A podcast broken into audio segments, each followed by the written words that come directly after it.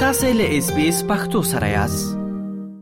د اس بي اس د پښتو خبرونه محترم اوریدونکو ستړي مشي رحیم الدین اوریاخیل یم له افغانستانه تاسو ته د افغانستان او سیمې د تیر یوې اونۍ مهمه پیښه وړاندې کوم اله ده چې تر پایه مې ملتیا وکوي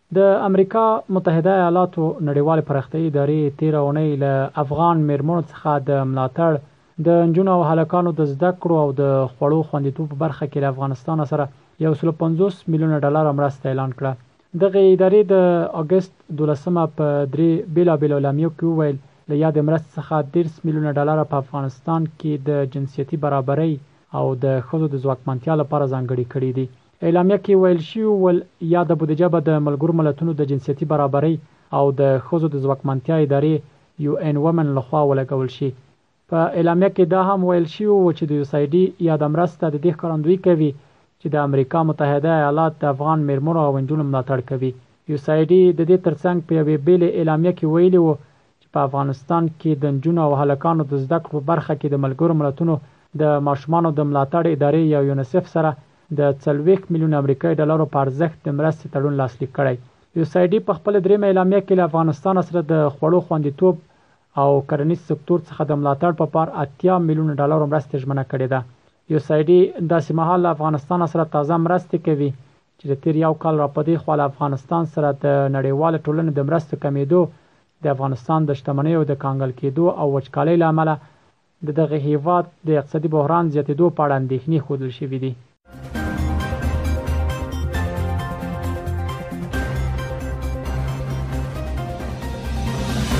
د افغان جهادي او سیاسي شخصیتونو څخه جوړ د افغانستان د ژغورنې لپاره د مقاومت شورا تېره اونۍ د یکشنبې په ورځ د طالبانو پر ضد خپل منشور خپور کړ. دغه منشور چې په یو اویا مادو کې خپور شو، په افغانستان کې د ټولو قومونو پر عادلانه ګډون او د ازادو، رڼو او عادلانه ټاکنو په ترسره کېدو په کې ټینګار شوی و. په منشور کې د سولې مذاکراتو او د یو ټولګډونه انتقالي نظام او منتخب دولت رامنځته کول د ښځو حقونه، بهرنۍ تګلارې، اقتصاد او خوندي چاپېریال چمتو کولو یادونه هم پکې شوې وه. په دې غونډه کې چې په انلاین بڼه د زوم له لارې جوړه شوې وه،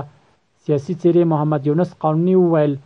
دا شورا هڅه کوي چې د خلکو د تحرک او د سیاسي فشار له امله طالبان اړ کړي چې د خلکو غوښتنې ومني. د دې ترڅنګ احمد مسعود چې پخپله د ملي مقاومت جبهې په نامه یوه ډله لري په دې غونډه کې وویل، د افغانستان لپاره د حل لارې موندلو لپاره د ټولو ډلو یووالی زموږ هڅه ده او دا د حالاتو او ډلو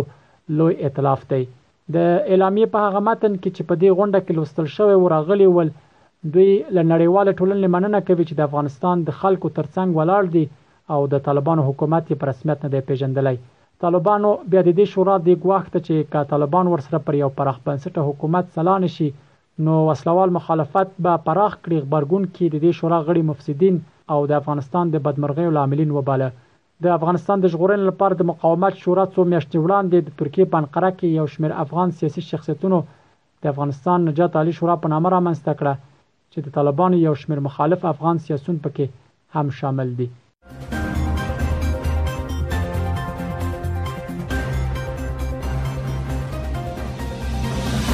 د تیر یوې اونۍ را پدې خو بیا د افغانستان په یو شمیر ولایتونو کې د بارانونو او سیلابونو لامل 219 کسان مړ شوي او ژوبل شوي دي د طالبانو د سرپرست حکومت د طبي پیښو ته د رسیدو په چاره کې د دولت وزارت چارواکو وویل چې د یادو سیلابو لامل یو شمیر کسان لا درک شوي او په سلګونه کورونه او زرګونه جریبه کرنیزه ځمکه او فصلونه هم تخریب شوي دي.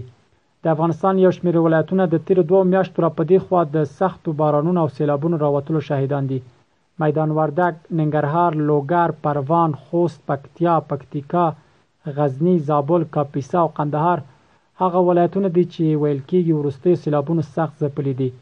د یادونې ده، افغانستان چې وار له مخکې جګړو او وچکالۍ سخت ځپلی، خلک د اوسنیو طبیعي پېښو له امله هم سخت ځپل شوي دي.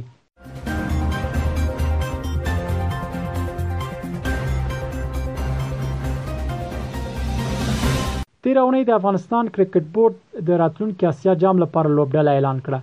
د کرکټ بورډ د غوراوي کمیټې په دې جام کې د لوبېدو لپاره اوولس لوبغاړي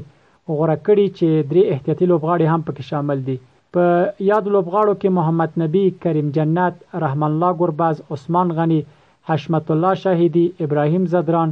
نجیب الله ځدران، افسر ځاځی، عظمت الله عمرزی، سمیع الله شینواری، راشد خان، مجیب الرحمن، فضل حق فاروقي،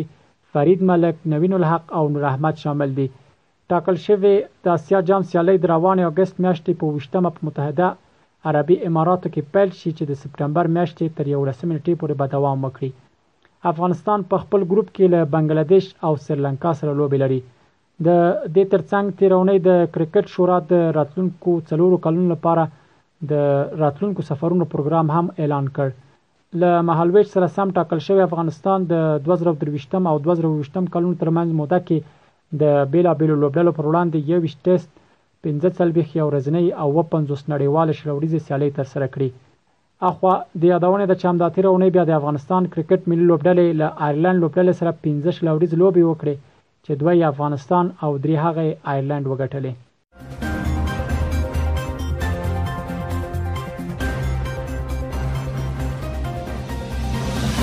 د دې اونۍ د پای موضوع هم دا چې وسلوال طالبانو 13 اونۍ قندهار کې یو لوی ولسی غونډه را بللې و په دې غونډه کې د طالبانو په وینا شاوخوا 3000 علما او قومي مشرانو ګډون کړی و دا غونډه د یو پریکړلیک په صدرېدو سره د 13 اونۍ د پنځ شنبه په ورځ پای ته ورسیده د غونډې ګډونوالو په دغه پرېکړه لیک کې د امریکا هغه برید وغانده چې په کابل کې د القاعده ډلې په مشر ایمن الظواهري وشو او هغه په کې ووژل شو. پرېکړه لیک کې همدارنګه ویل شوي وو چې هغه هېواد امریکا سره په دې جنایت کې شریک دی چې بې پیلوټه الوتکې ته یې په خپلې فضا کې د پرواز کولو اجازه ورکړې وه. د دې ولسي غونډې په پرېکړه لیک کې د افغانستان په حریم تېری کوونکو هېوادونو ته خبرداری ورکړل شوی و چې د عقل څخه کار واخلي په پرېکړه لیک کې دا هم راغلي وو، دې نظام پر وړاندې هر ډول مسلحانه مخالفت، بغاوت او فساد فی الارض ګڼل کېږي چې دفع کول یې پر امارت او ملت واجب دی. همدارنګه د همدې حاکم اسلامي نظام هر ډول مخالفت چې له اسلامي شرعیت او ملي منافعو سره په ټکر کې وي، فساد او ناروا عمل دی. په کابل کې د علماوو د لویې غونډې وروسته دا دویمه ستره غونډه ده چې طالبان یې رابولي او عام باور دا دی چې دا کار ځکه کوي چې نړۍ یې ته وښيي د خلکو ترمنځ مشروعیت لري. طالبان چې پوره یو کال کېږي په افغانستان کې واک ته رسېدلي، تر اوسه د نړۍ هېڅ یو هېواد حکومت یې په رسمیت نه دی پېژندلی دا ول د افغانستان او سیمې د تېر یوې اونۍ مهمې پېښې چې ما تاسو ته وړاندې کړې. تر بیا ښې چارې. اس پی اس پختو په فیسبوک کې تا کې پلی مطلب یو فاک کړئ نظر ور کړئ او له نورو سره شریک کړئ